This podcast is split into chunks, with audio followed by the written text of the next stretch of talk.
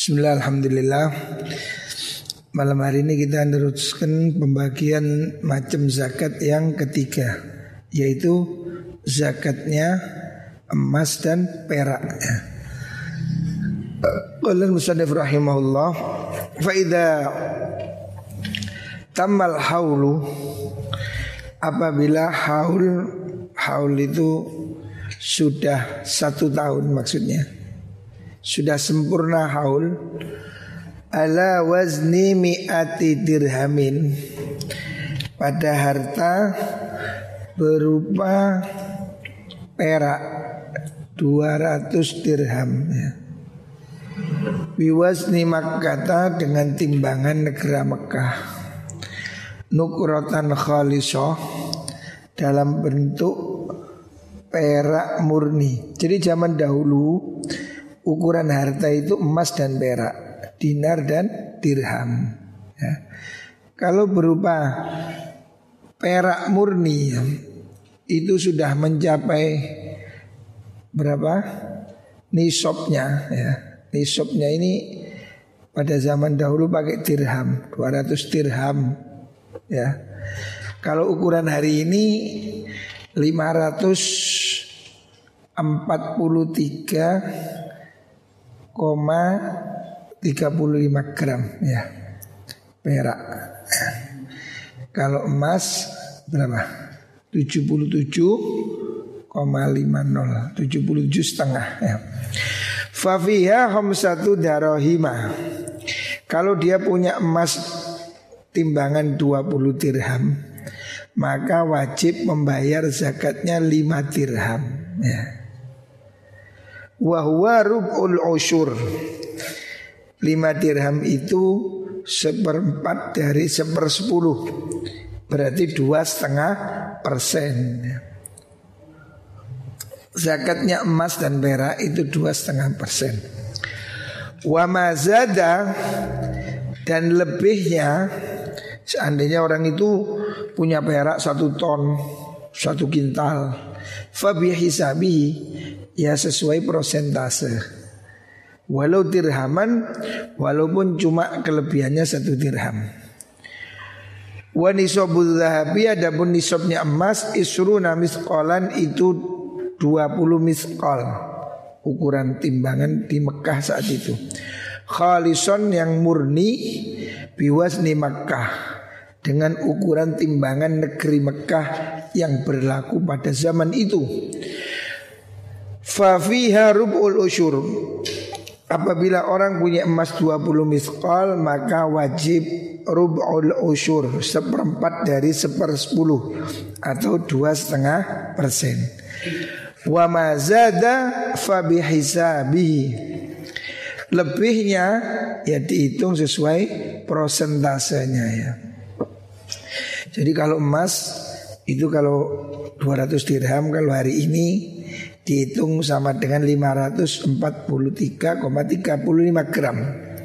Kalau emas 77,50 setengah atau setengah. Dan itu dalam bentuk murni ya. Kalau emas ya emas lantaan. Kalau perak ya perak yang yang murni ya dikeluarkan berapa zakatnya ya dua setengah persen ya. Dua setengah persen dari berapa tadi? Dari ah, 20 miskol Dari 77 setengah gram Dua setengah persennya berapa? 10 persennya 7,7 eh? 7,75 gram 7,75 dibagi papat berapa?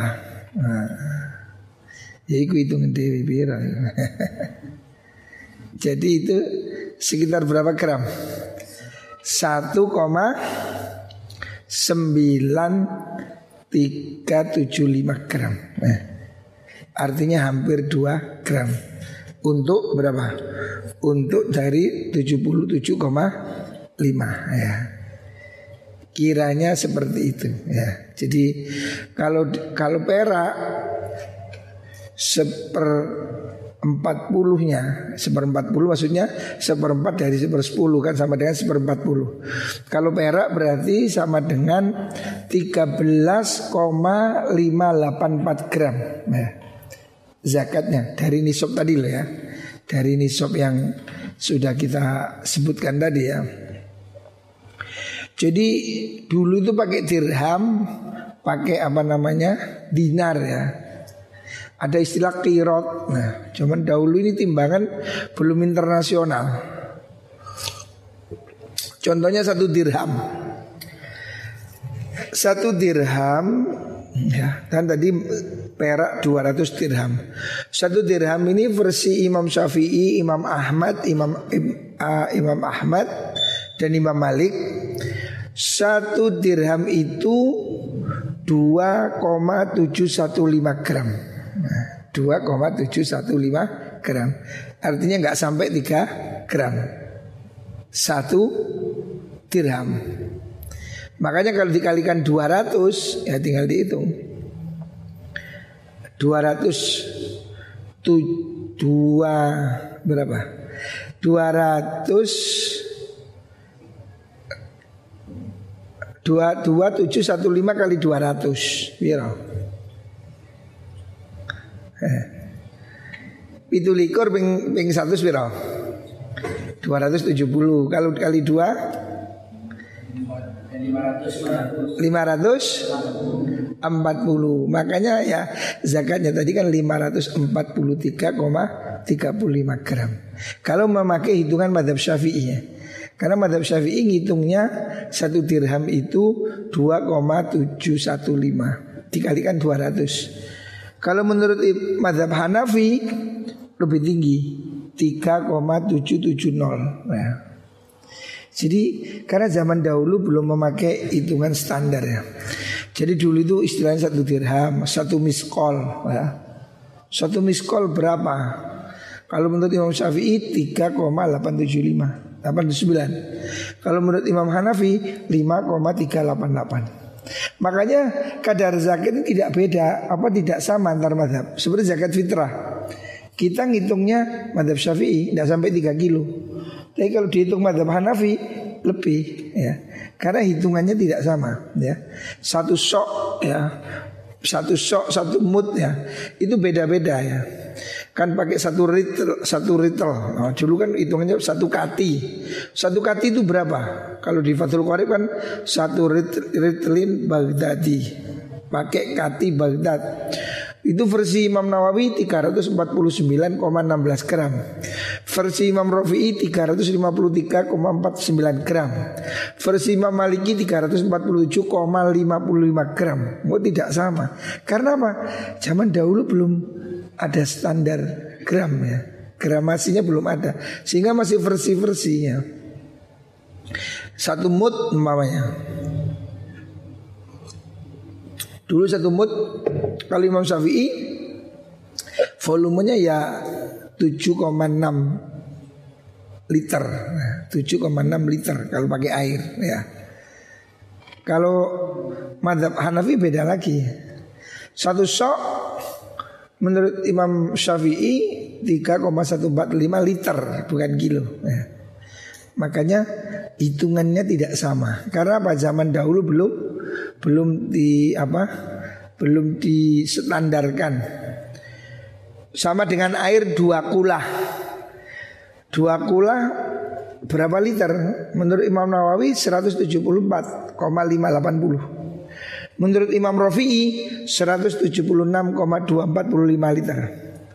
Tetapi menurut ulama yang lain, ulama Irak 255 liter.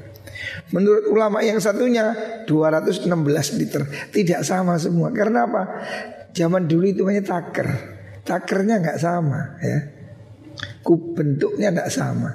Makanya berbeda pendapat ulama ini. Kosor sholat juga begitu Kosor sholat ada yang mengatakan Kalau dalam kitab Tanwirul Kulub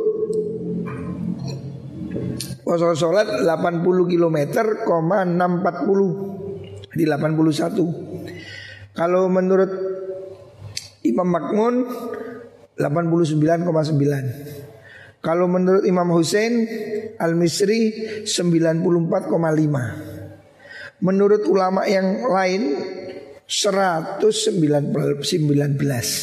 Berarti kita ke Surabaya itu belum boleh jamak kosor. Kalau menurut versi ulama yang mayoritas. Karena apa?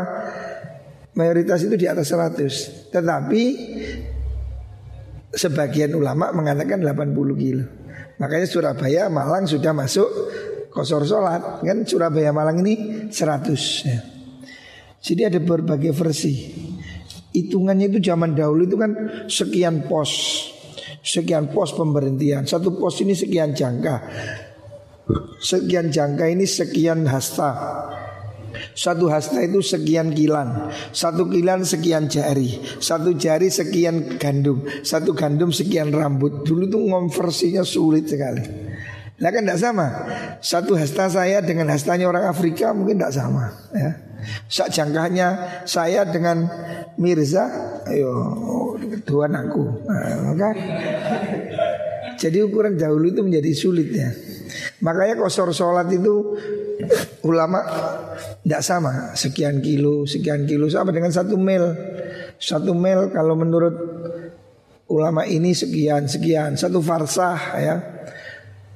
Itu berbeda-beda semua ya. Nah kita ikut mana?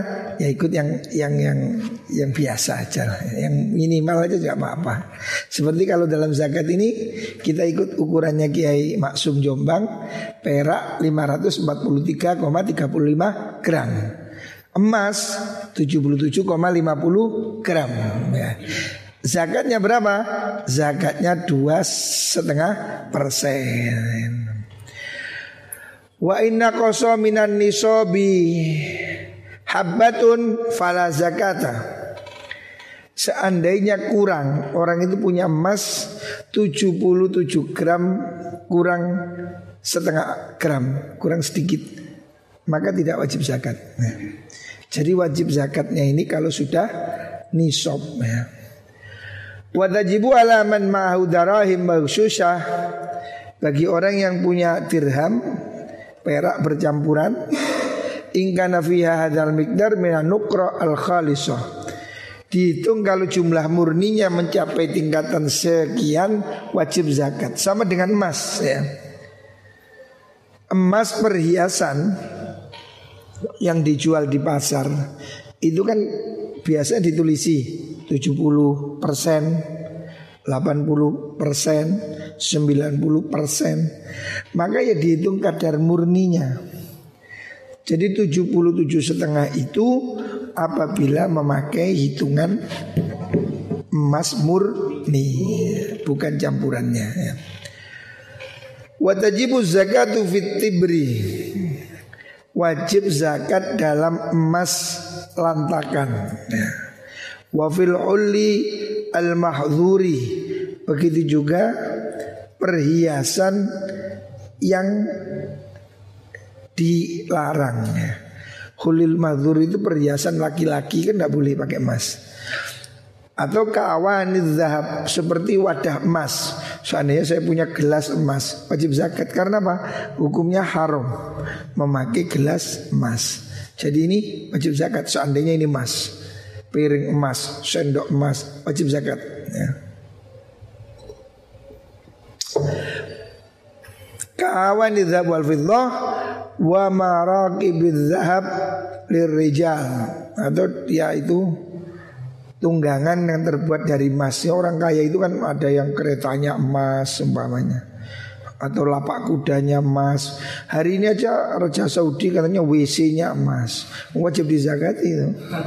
Karena itu sudah jelas haram ya Berlebihan. Ada orang konglomerat Arab yang punya mobil Dilapisi emas. Mobil dilapisi Wajib zakat itu. Karena apa? Itu sudah bukan berhiasan itu ya.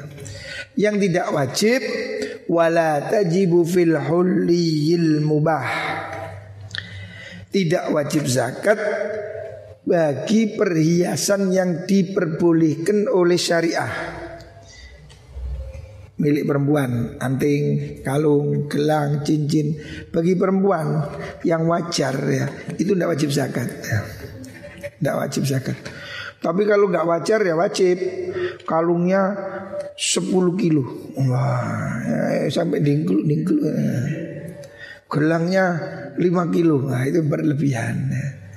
Kalau perhiasan wajar tidak wajib zakat. Nah. Watajibu fid dain alladhi huwa ala mali'in. Zakat juga wajib bagi harta yang terhutang dipinjam orang Yang mana ala maliin Peminjamnya itu orang kaya Sehingga dia bisa mengembalikan ya. Walakinnaha tajibu indal istifa. Tapi wajibnya zakat itu kalau sudah disaur. Kalau belum disaur ya belum wajib. Saya ini punya uang 1 M di gondol orang. Ya sampai sekarang sudah 10 tahun. Ya nggak wajib zakat dong belum nyaur. Ya. seandainya dia nyaur saya wajib zakat. Gitu lah ya wa in kana dainu muajjalan walaupun hutangnya itu tempo ya belum tunai fala tajibu illa ba'da hululil ajal maka tidak wajib zakat sebelum datang tempo jatuh timbunya ya. Ini zakat emas dan perak. Hari ini mungkin orang sudah tidak menyimpan emas dan perak, tapi orang menyimpan dalam bentuk uang. Dahulu kan belum ada uang, adanya emas perak. Hari ini kan sudah deposito, ya, saham, eh, surat berharga, obligasi, ya. Nah ini bagaimana? Kalau itu memang harta simpanan Ya sama dengan hukumnya emas yang disimpan. Ada ulama yang mengatakan tidak wajib. Oh itu bukan emas. Ya memang bukan emas Tetapi kan jenis harta ya. Jenis harta yang senilai dengan emas Karena hari ini harta itu sudah berupa kertas itu Uang itu kan kertas kalau dibatalkan oleh Pak Jokowi ya batal. Kamu punya uang satu tumpuk.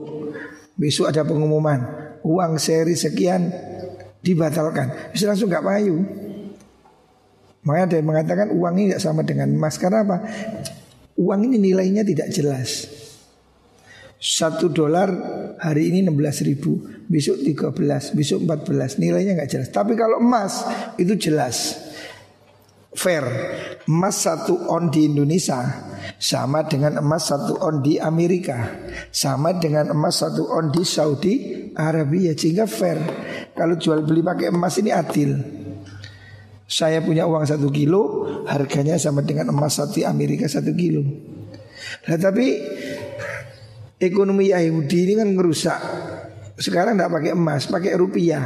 Rupiah saya sak gendel, dijoli dolar sak lempir. Nah, ini kan nggak adil ini. Podo-podo kertas sih. Bayi Indonesia warnanya abang, full color. Wae Amerika ireng bulak kayak fotokopian.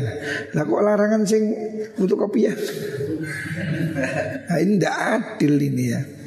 Ini ekonomi sudah tidak benar. Kalau emas itu adil, kesetaraan, tidak ada yang dirugikan, ya kan? Hari ini rezim ekonomi bebas ini kita ini dicurangi oleh negara maju. Contoh, satu dolar hari ini 16 ribu, ya kan? Kamu lihat, satu dolar di Amerika nggak dapat nasi satu piring, Pak. Saya pernah tinggal di Amerika. Nasi paling murah ya, wis kelas kaki lima sing asfalas safilin. Mauli lah, kelas kelas kelas kaki lima. Itu paling murah 5 dolar.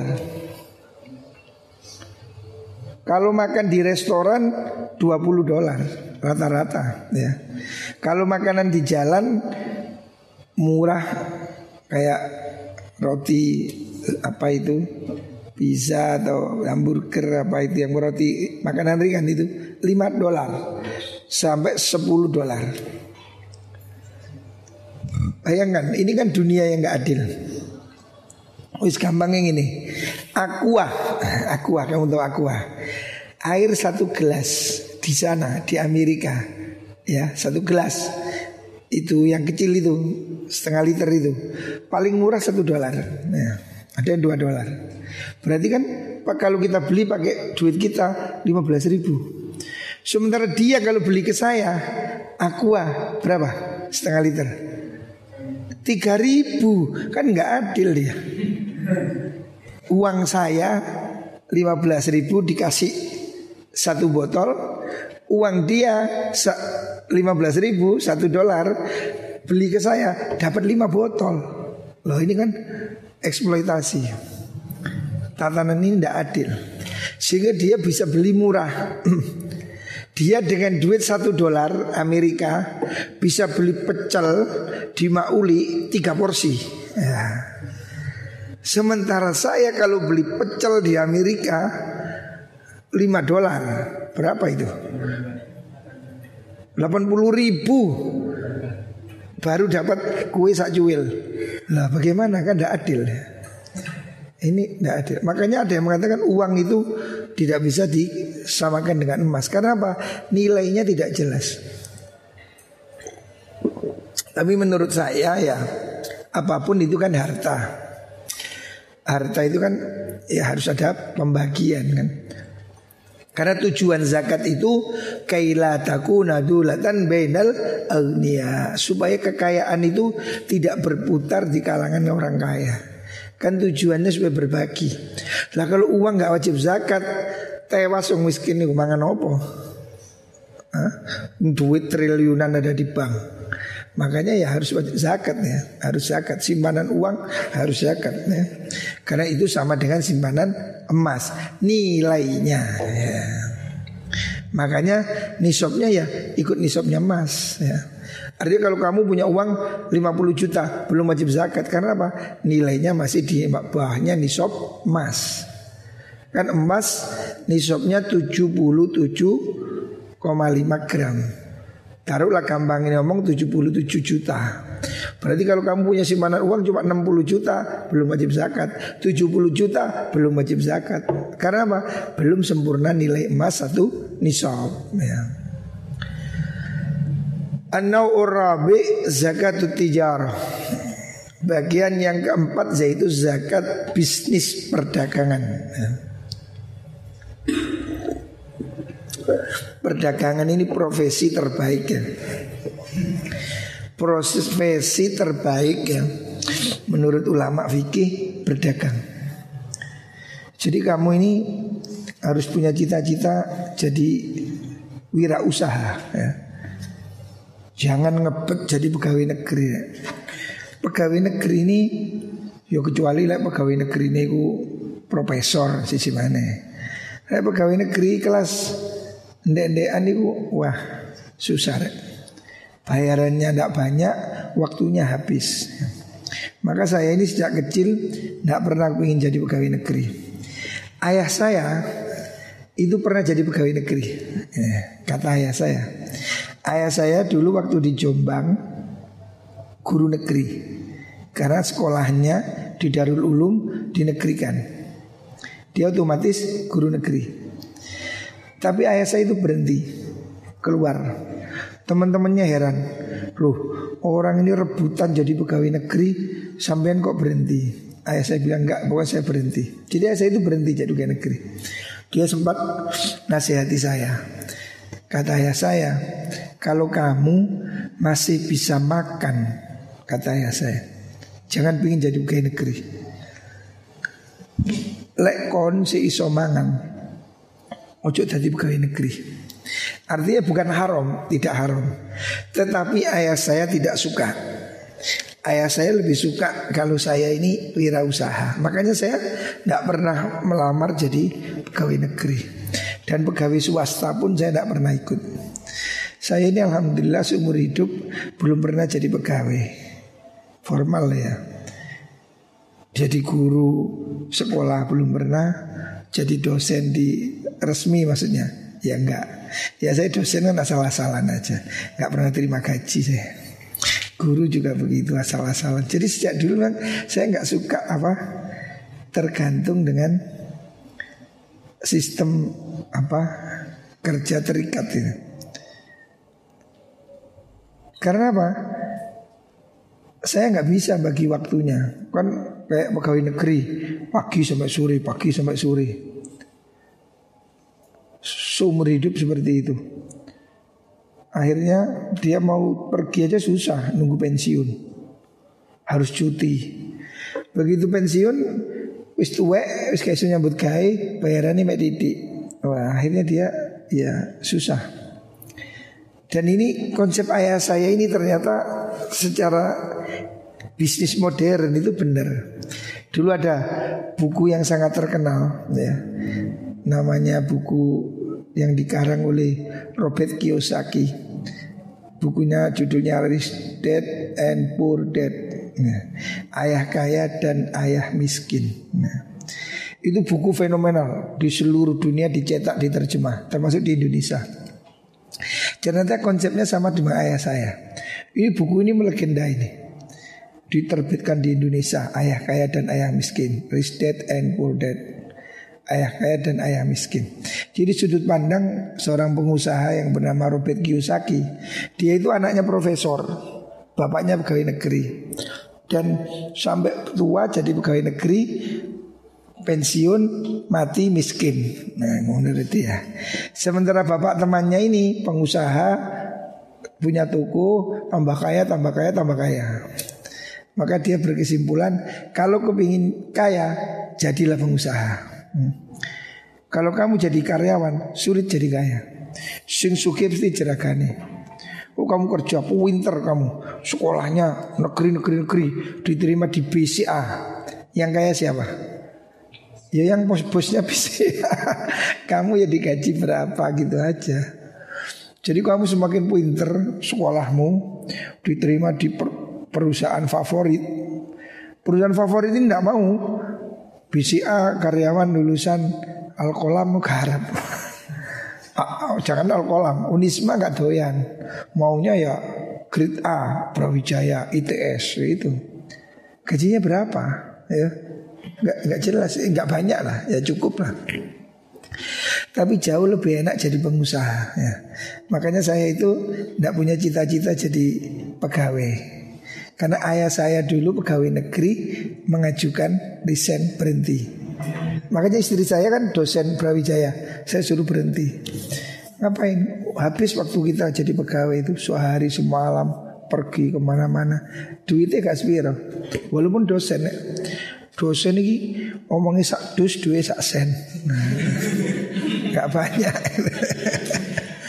Istri saya kan dosen Brawijaya saya suruh berhenti. Saya petani kuat biar dosen. Ya, jadi kenapa anak saya nggak ada yang sekolah kedokteran? Saya bilang kamu ngaji aja. Nanti kalau cari istri dokter saya cariin. Ya, gampang lah. Ya. Karena pekerjaan ya yang paling bagus itu berdagang, berwirausaha. Makanya dulu saya pulang dari pondok berdagang belajar berdagang. Saya dulu itu dagang tebu, dagang gula, dagang cengkeh, dagang oh, macam-macam, pupuk ya. Jadi saya belajar berdagang. Ya tanya, kata kuncinya itu kalau kamu kepingin kaya, bertemanlah dengan orang kaya. Kepingin suge, konjong melarat, yo sambat tok benti dong. Udah belum ketemu belum nih. Jadi bertemanlah dengan orang kaya supaya ada solusi. Saya dulu teman gitu. Oh info-info ya, bekerja ya. Sampai hari ini saya dagang di pasar modal. Itu belajar. Kata kuncinya belajar. Ya.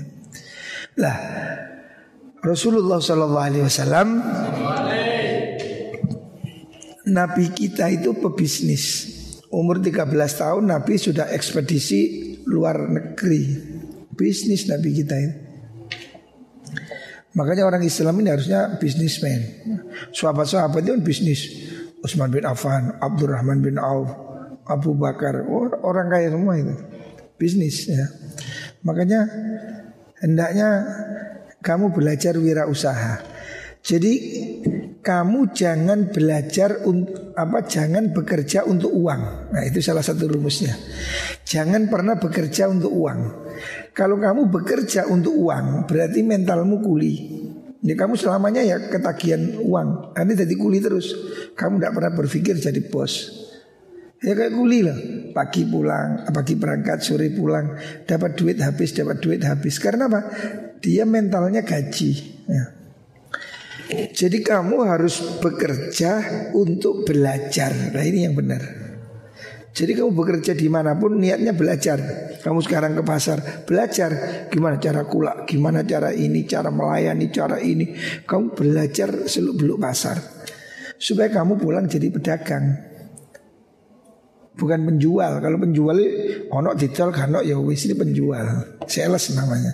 Lalu pedagang ini perlu kecerdasan di mana kulak yang murah, di mana jual yang laris ya, servis ya. Maka ini pedagang itu lebih bagus. Dan kata Rasulullah sallallahu alaihi wasallam,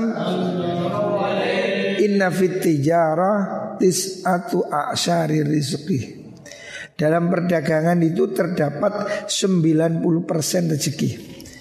Artinya kalau kamu berprofesi sebagai pengusaha, kamu punya peluang kaya 90% lebih lebih baik ya. Coba lihat orang kaya-kaya itu. Kan pedagang semua, Jack Ma.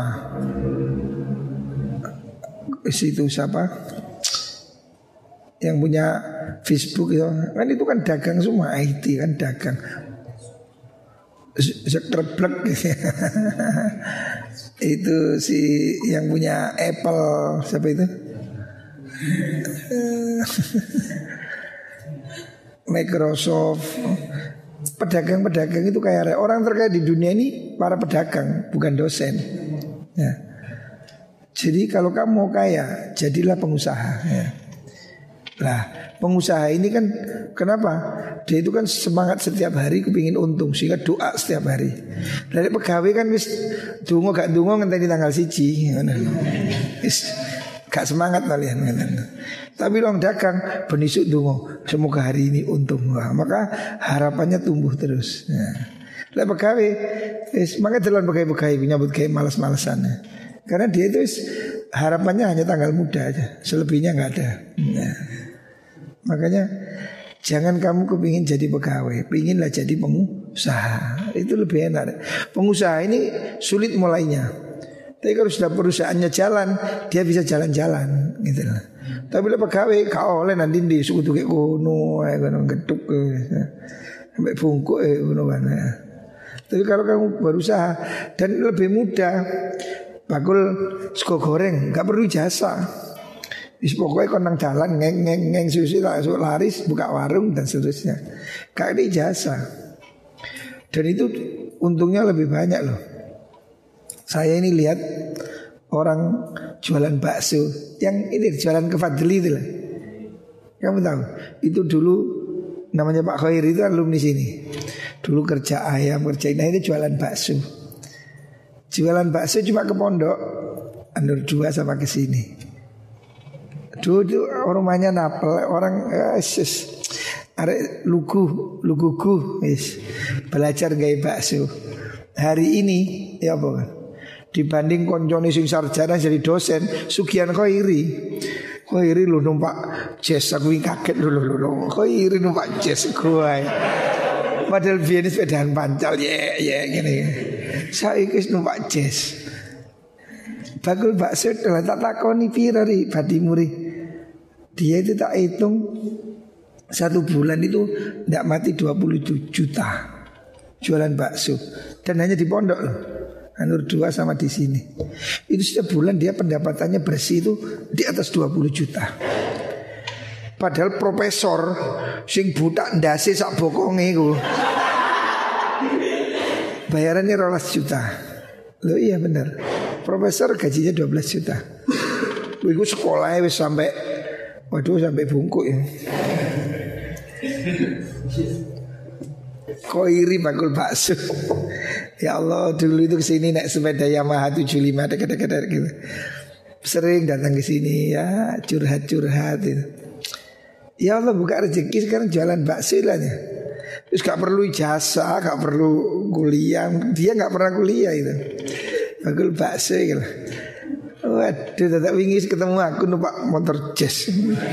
Gua ya kok itu. Saya padahal tahu persis dia itu dulu itu masya Allah arek lu gugu gitu. Hmm, dulu sejak kecil di sini. Iya gimana? Pengusaha. Wis gua ya. Bendino ngirim bakso gue keri. Lek sore cukup duit gue jazz. Aku gede-gede kan aduh, aduh. Padahal itu mulai kecil mondok di sini saya tahu persis iku wis arek gak lincah blas wis. Kano gayae kak kak kaya awak musik sih colon wanci enggak arek iku ket biyen ya mebrot-mebrot. Tapi terus lagi ya. Pengusaha walaupun bakso. Lihat itu. Kamu lihat itu. Di timur pasar itu. Cakman. Itu dulu kuli. Waktu saya kecil itu dulu pelayan warungnya Pak Ribut. Dulu ada bakso Pak Ribut di depan masjid. Itu tukang kora-kora.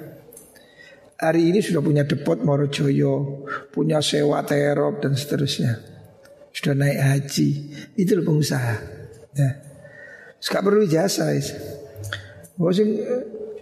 lah saya sementara saya itu punya teman ya banyak sih ini contoh aja ya punya temen. Yo biar sekolah yo. Sampai bapak itu dol tegal. Saya itu beli tanah di sana. Wali murid jual tanah. Kenapa jual pak? Untuk anaknya kuliah. Anak kuliah di Jogja S1 UGM S2 Bapaknya dua kali jual tanah ke saya. Demi anaknya kuliah. Hingga suatu saat ketemu saya. Loh gimana pak anaknya? Sekarang di mana? Di Jogja sudah menikah, sudah. Kerja apa pak? Bapak jual sawah demi anaknya kuliah. Kerja apa pak? Jahit, jahit apa sih? Ya bikin pakaian anak kecil astagfirullah. Ya nggak usah betul sawah lek ngono nih pak. Jadi kuliahnya jual sawah. Setelah saya selesai kuliah nggak bisa buat beli sawah. Oh dia itu cuma guru SMK sekarang di Jogja sambil kerja jahit konveksi. Padahal sekolah itu tuh sawah ya. Nah, lebih baik sawah itu mang dikai tuku toko, huh? yang suki wis. Makanya kau lek gak pinter nang pasar aja. kuliah tidak duit malah. Mahal lah kuliah itu. Mari kuliah, mari kuliah ya gak jelas. Lolong di Indonesia ini sudah overdosis mahasiswa ini. Gojek-gojek itu sarjana semua sekarang. Supir taksi, satpam, sarjana semua. Ya. Makanya kalau kamu masih bermimpi jadi pegawai, cari lowongan, uang elek. Karek lowongan di tikus sing akeh. Oh, kamu sampai stres ngelamar ke mana-mana lowongan sudah susah. Makanya kamu harus jadi wirausaha. Ya. Saya lebih suka Dulu saya buka toko di pasar kamu pikir Bapak saya kiai Loh Ayah saya tidak pernah ke pasar Ibu saya tidak ke pasar Bapak saya kiai Ibu saya punyai Saya memberanikan diri buka toko di pasar Diketawain orang apa Gus pasar Bulu Lawang, pasar Krempiang. Satu bilang pasar Bulu Lawang nih jam songo kena ke pelayon saking sepi nih kena ke pelayon.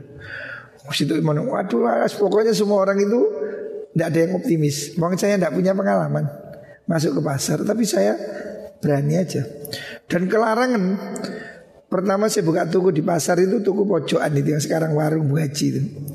Ya warung itu yang saya sewa dua tahun per tahun dua juta. Uh semua bilang kemahalan. Katanya Pak Doviri diturin cuma satu juta dua ratus. Katanya Pak Ridhoi, eh gudang legi nek petong atos. Waduh, kelarangan. ya mengkaru. Tapi saya berusaha. Dulu itu saya bungkusi gula sendiri, nimbang beras, sampai jadi toko. Jadi yang penting kamu ada kemauan ya. Jadi syaratnya bisnis itu cuma jujur aja, jujur membangun jaringan sudah cukup, nggak perlu jasa. Ya. Buta huruf gak apa-apa. Tetangga saya nama Jidurasi ini buta huruf Soge Meninggal wakafnya ke Minu 4 hektar Oh Udah itu Sugi Kalau ada undangan komite apa itu Ono pengeteran undangan Ditakon undangan apa le? Rapat kapan? Jam piro? Kan dhek gak iso maca, dadi ditakoni sih. Jadi sih gue undangan ditakoni, undangan apa? Jam ngono. Gak perlu surat wong dhek gak iso. Tapi sukses ya. Ada lagi tetangga saya itu yang dulu kuliah Brawijaya nembel ban nembel ban di pinggir rembongnya. Sing wong gondrong wis mati le. Jul Iwan Pales sih wong kula Itu kuliah loh dulu. Ya. Makanya maksud saya kamu harus punya semangat usaha. Jadi kamu harus belajar berdagang, ya itu loh. Ini semangat ini penting ya. Iso kemalan golek penggawean. Ciptakan pekerjaan ya. Sampai di mana tadi? Wahya kazakatin nakdain ya. Bisa minisi wallah alam. Muka-muka semua diberi rezeki yang berkah. Amin.